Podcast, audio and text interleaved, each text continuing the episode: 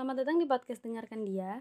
Di sini gue akan berusaha menjadi pendengar yang baik untuk segala cerita-cerita kalian yang mungkin gak semua orang bisa mendengarkan apa yang kalian rasa.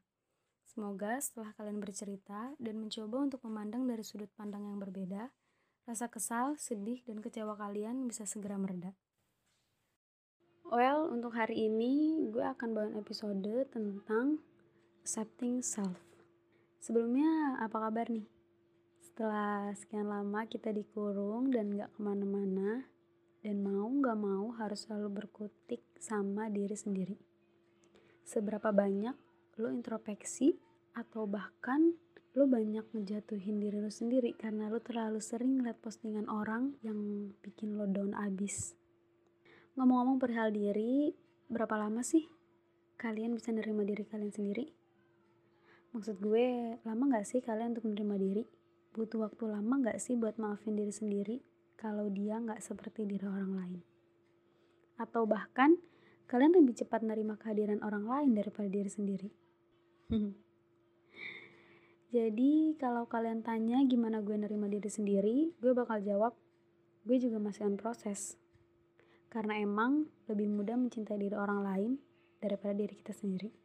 Ya kan? Perihal diterima dan menerima emang kelihatannya sederhana, tapi kalau sesederhana membicarakannya, gak mungkin kata-kata insecure muncul di tiktokan orang-orang, atau di caption feed Instagram orang yang sebenarnya fotonya itu gak ada kekurangan sama sekali. Atau juga gak mungkin banyak orang yang berlomba-lomba bikin second account supaya foto-fotonya cuma bisa dilihat oleh orang-orang tertentu aja. Oleh orang-orang yang menurut dia gak akan bilang dia kurang, buruk, dan lain-lain. Ya, setidaknya beberapa hal itu sih yang gak akan setrending sekarang kalau banyak orang yang udah mulai nerima dirinya sendiri.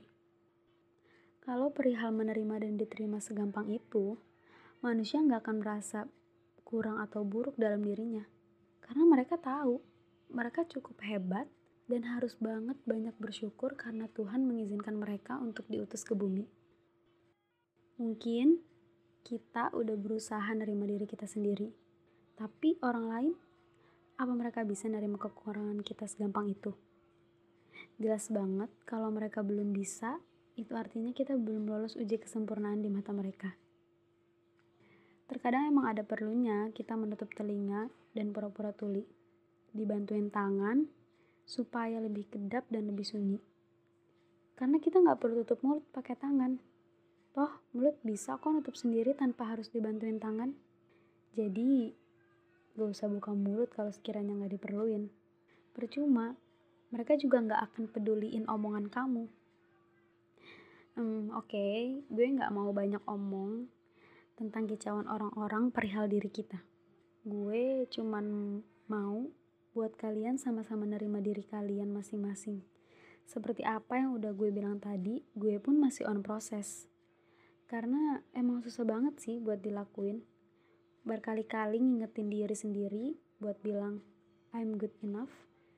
Tapi tetap aja kalau tiba-tiba lihat kelebihan orang lain yang gak gue milikin langsung bilang ih kok gue gak kayak gitu ya?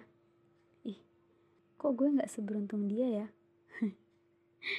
Gue lupa kalau beberapa menit yang lalu gue lagi nguatin diri gue sendiri. Dan beberapa detik berikutnya gue nyalain diri sendiri. Nguatinnya semenit ngejatuhinnya seminggu. Gimana gak makin tenggelam kepercayaan diri gue? Kalian pernah gak sih kalau sebelum tidur mikirin hal-hal tentang diri kalian? Karena biasanya kalau sebelum tidur tuh pikiran lebih bercabang ketimbang kita beraktivitas pas siang hari. Kalau gue sih sering banget. Saking bercabangnya gue sampai nggak sadar kalau udah lewat tengah malam dan gue belum juga tidur tapi nggak apa-apa. Kalau kalian pernah ngelakuin hal kayak gue, anggap aja kalian lagi evaluasi diri. Self-evaluating. Penting sih. Karena secara nggak langsung kalian mulai paham sampai mana batas kemampuan diri kalian, sampai mana kalian bisa nge-push diri kalian di hari itu dan menilai seberapa hebat kalian hari ini. Gue sering banget bilang, I'm done today, I'm strong, I'm grateful. Ke diri gue setiap malam, atau setiap gue liat kaca. Karena menurut gue itu cara paling gampang buat nerima diri gue di hari itu. Atau di hari-hari yang berat sekalipun. Kalau kalian, cara paling ampuhnya gimana? Karena gue yakin, pasti tiap orang punya caranya masing-masing buat healing diri mereka yang down. Bahkan ada yang pakai kertas yang ditempel di tembok kamarnya.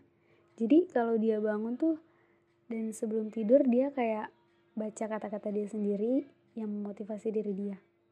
So, kalau kalian gimana? Kalau dipikir-pikir, hidup itu kayak rumus fisika tentang aksi reaksi, semacam teori biologi tentang simbiosis, dan rumus aljabar X dan Y yang hasilnya nggak pernah jelas. Atau lebih gampangnya, kayak lo main jungkat-jungkit di taman. Suatu saat lo bisa naik, dan suatu saat lo juga bisa turun. Tapi dari sana kita belajar. Sekuat apa kaki kita berpijak, sekuat apa kaki kita mendorong saat kita di bawah, kita pasti bisa ke atas lagi. Ya, setidaknya seperti itu sih.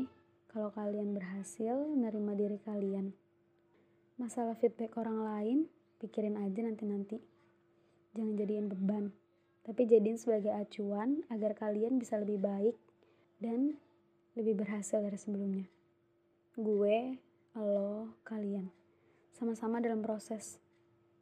Karena gue gak mau jadi orang yang cuma bisa ngomong, tapi gak ada aksinya. Makanya, gue bilang kalau gue masih dalam proses. Cukup sekian dari gue. Terima kasih sudah mendengarkan omongan gue yang entah bisa diterima kalian atau enggak. Have a nice day. Don't forget for accepting ourselves. And goodbye.